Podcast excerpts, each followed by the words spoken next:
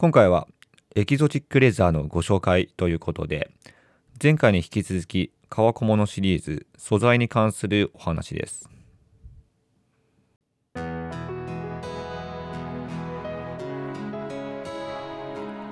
ヒロトのフラット独り言第88回目の配信です。はい、えー、今日は土曜日ということで会社自体はお休みだったんですけども、まあ、今日はまた映画えんとつ町のプペルに行きました。はい。まあ、これで2回目になるんですけども、なんかこの映画、結構もリピーターの方がどうも多いみたいで、まあ、3回見に行った方もいれば、中には5回以上見たなんていうつわものもいたりというね、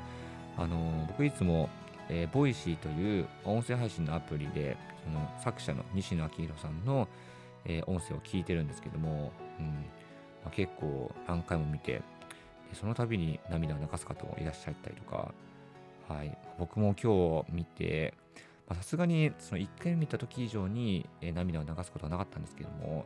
やっぱ分かっていてもうるってきてしまう場面はいつも決まってるなということで、うん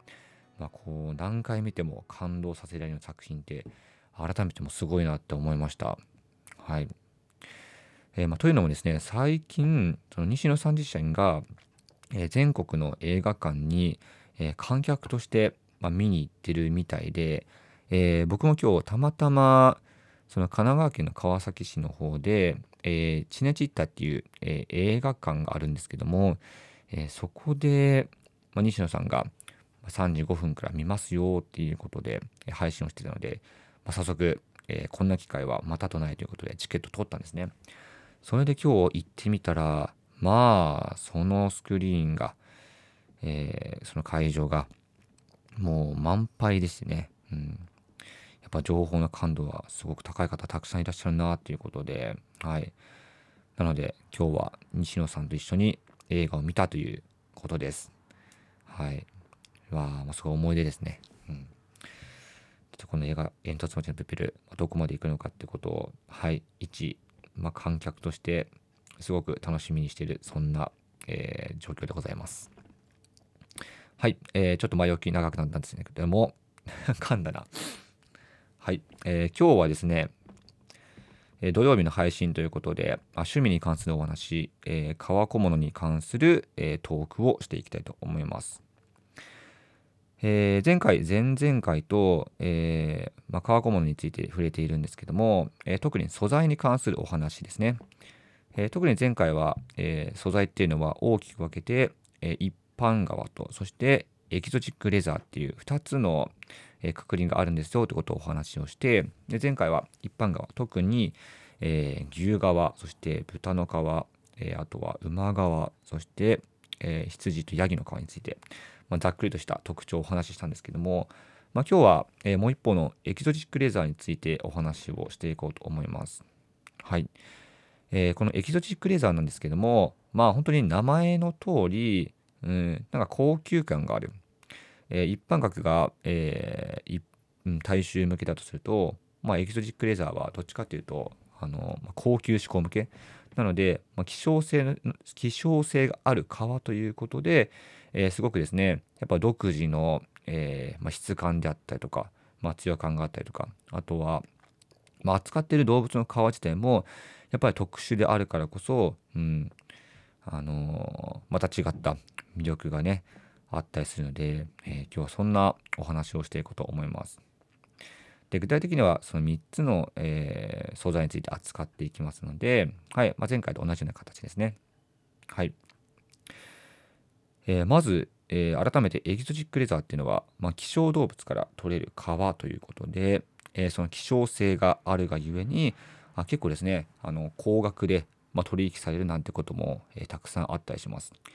まあ、中には本当にピンキンだと思うんですけどももううん百万、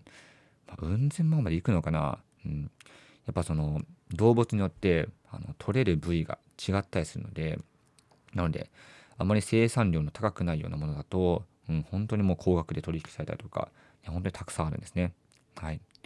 まあ、その中で、えー、代表的なものといえば、まあ、例えば、えー、結構パッと思い浮かぶのが、まあ、爬虫類系とか、まあ、いわゆるなかなか、えー、日本だと取れないような川、うん、であったり、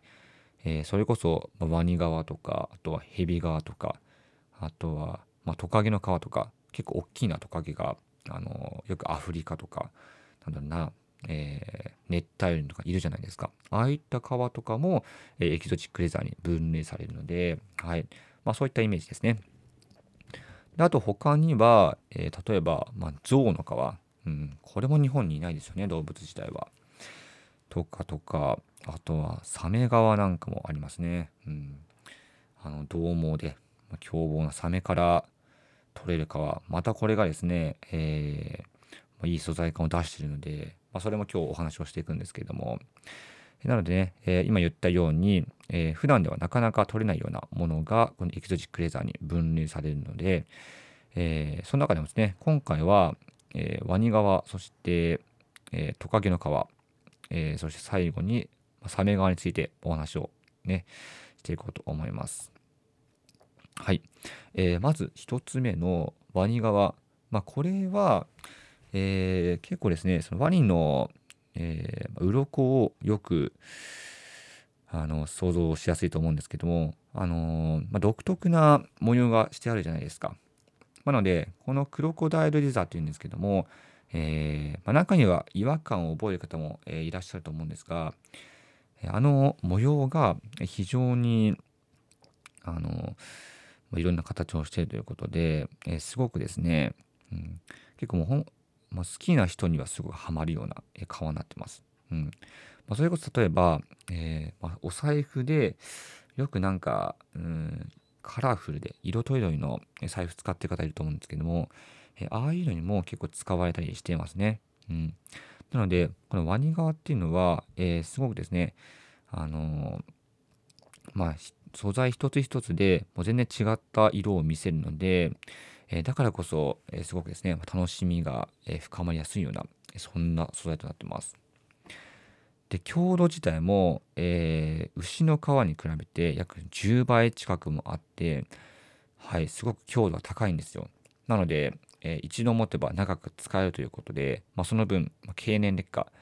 えー、年月が経つにつれて、その色の質感とか、あとはツヤとか、あとは中にはね、その触り心地、食、えー、感触とかも変わったりするんで、その楽しみがもうずっと続けられる、はい、そんな特徴があります。で、また加工の仕方についても、えー、まあ、大きく分けて2種類あって、で、1つ目は、まあ、シャイニング加工って言って、これは本当に、えー、ワニ革の中でも、まあ、高級なもの、うん、ワニ革自体は高級なんですけども、その中でもさらにえー、希少性の高いもの？によく使われるもので本当に何回も何回も何回も磨いてやっと出てくる光沢、うん、それが、えー、シャイニング加工の、えー、クロコダイルレーザーですね。っていうふうに言われてるので、はい。まあ、ここねちょっと深掘りについてはまた別の機会にお話をしようと思いますので、はい、今日はねざっくりと紹介程度にしておきます。であともう一つのマット加工、まあ、これも、えさっきのシャイニング加工と同じような、えー、加工の仕方なんですけどもまたこれもこれで何て言うんですかその価値自体はシャイニング加工に比べたらちょっと落ちるんですけども、えー、すごくですねあのツヤ感が違ったりするので、はいまあ、ぜひともね手に取っていただければ、まあ、すごくわかると思います。うん、あこんだけねまあ、光沢あるんだなってことを、えー、結構感じると思うので、うんまあ、想像つきにくいですよねあのなんかゴツゴツしたような皮のイメージからは。うん、だねちゃんと、えー、手入れをすればその分だけ、えー、皮としての魅力が増していくっていうのがこのクロコダイルレザーとなってます。はい、まあ、よくまあベルトとか時計バンドにも使われるということで、結構探してみると身近にたくさんありますので、是非とも探してみてほしいなと思います。はい。えー、2つ目、えー、これは、え、トカゲの皮、リザードレザーっていうんですけども、えーまあ、トカゲといっても、そのよくいる日本にいるようなあのちっちゃいものじゃなくて、本当にもう熱帯雨林とか、本当に暑い地域に行くと、もうめちゃくちゃでかい、なんのよくコモドドラゴンとか、えー、聞いたことありますかね？えそういった、えー、動物がいるんですけどもそこの、え、から取れる皮、うん、これがリザードレザーって言われるもので、まあ、特徴としてはやっぱりその鱗の模様が、え、すごくですねきめが細かいんですよ。えー、さっきのクロコダイルの方が若干粗いものに比べたら、えー、すごくですね繊細な、えー、質感なのでまた触り心地も違ってですね、うんまあ、違った魅力がありますと。でその強度もやっぱりその爬虫類系はもうみんな大体あの強度が高いんですね。うん、やっぱりあのまあ、熱帯雨林とかそういう非常に厳しい環境の中で、えー、暮らしているので、まあ、それも皮膚も厚くて、まあ、丈夫なんですね。なので実際に皮として使う場合にでも、えー、すごくですね、えー、長く持つということになってます。はい、えー、あとはですね、まあ、特にそのリザードレザーの中でも、えーまあ、リングマークトカゲという、うん、これは音声だけで言うの説明する難しいな。うん。まあ、ぜひとも、ちょっと Google で調べてみてほしいんですけども、もう全長が2メートルを超えるような、まあ、これもトカゲの部類に入るので、あの、よく日本にいる、ね、あの、岩陰とかにいるあのトカゲと同じ部類なんですけども、あそこから、えー、取られるもの。それがよく使われているものなんですね。うん。なので、このリザードリザーに関しても、えー、僕も、実際にお財布で何度か見たことがあってやっぱり触ってみると、うん、やっぱ牛側とか、まあ、本当に馬側とは違ったような、えーまあ、その楽しみ方があるので、はい、ぜひともこれもねあのチェックをしてみてほしいなと思います。はい最後3つ目、えー、これがサメ側ということでちょっとね先ほどまでは爬虫類系を中心にお話をしたんですけどもこのサメ側またこれもね違ったような特徴があるんですね。で一番の、えー、ポイントというか特徴はやっぱ脂肪肝あの凹凸が非常に目立つんですねサメ側の場合には。これもぜひとも、えー、調べた時に見てみてほしいんですけども何ていうかザラザラしてるんだけどもでもそのきめの細細やかさがあるからこそ、えー、すごくですねあの触り心地がいいんですねあの皮っていうのは。うん、実際にサメの皮っていうのは非常に筋繊維の密度が高いので本当にもあの凹凸が何個も何個もあって、まあ、非常にこれも面白い皮になってます。はい、でこの皮に関しては、えー、日本でも、え結構取れたりするんですね。特に、えー、全国のサメの漁獲量が、えー、宮城県の気仙沼市がどうも1位みたいででそこで取れるヨシキザメっていう、えー、サメがいるんですけどもそこの、えー、そのサメっていうのが結構食用で使われていてその食用で使われた後の皮を実際に加工して、えー、よくシャークレザーって言われるんですけども、えその皮として、えいろんなバッグやらえー、まあ、特に財布とか多いですかね,、うんね、使われたりしてます。はい、で、まあ、絵画に関しても、えー、例えば、まあ、ホウジロザメとか聞いたことありますかねあのよく言うなんだろうな、まあ、ファインディングにもとか、えー、見た方はあのー、ね、でっかいサメいたと思うんですけどもあれがホウジロザメでであの皮も実際にバッグとかに使われてるんですよ。はい。であとは、えー、イタチザメっていうこれに関してはもう日本のサメとはもう大きさが比べ物にならないぐらい、えー、でかいものでして、はい、なのでねやっぱ海外だからこそもうスケールが、ね、大きい、ね、皮を使ってるということで本当に国内でも国外でも、えー、実際に加工されてるっていうのがこのサメ科の特徴なのでやっぱりその海外製と日本製でうん、やっぱり若干その質感が違ったりするんですね。なのでそこも、えー、非常に面白い点だと思います。はい。まあ、ぜひね、えー、もし今川に興味ある方とか、あとは、えー、今まさにちょっとね、革小物をなんか買ってみようかなと思った方いらっしゃったら、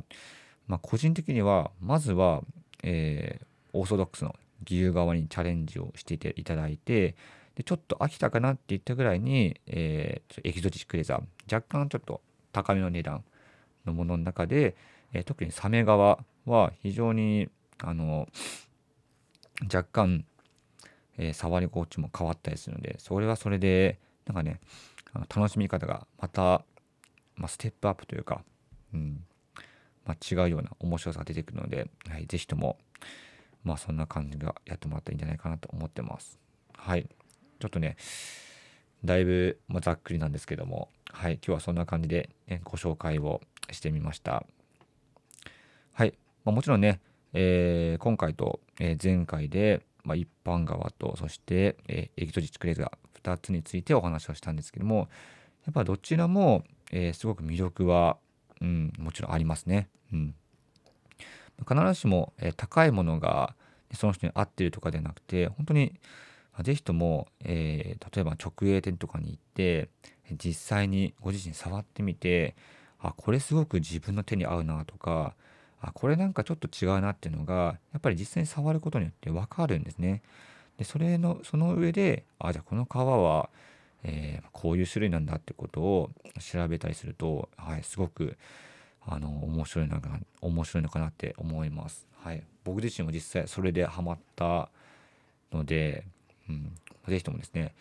ちょっとこの配信を通じて、まあ、一人でも多くの方に革小物に興味を持っていただけたらなというふうに思っているので、はい。ちょっと今日はだいぶグダグダなんですけど、はい。ちょっと次回以降はちゃんと準備をしてやっていきたいと思います。はい。すいません。今日はそんな感じで終わりますので、はい。えー、今回はエキゾチックレザーについてのご紹介でした。えー、また来週も、えもっとね、えー、深掘りをしていこうと思いますので、ぜひとも楽しみにしていてください。はい。えー、それでは今日はこの辺で、バイバイ。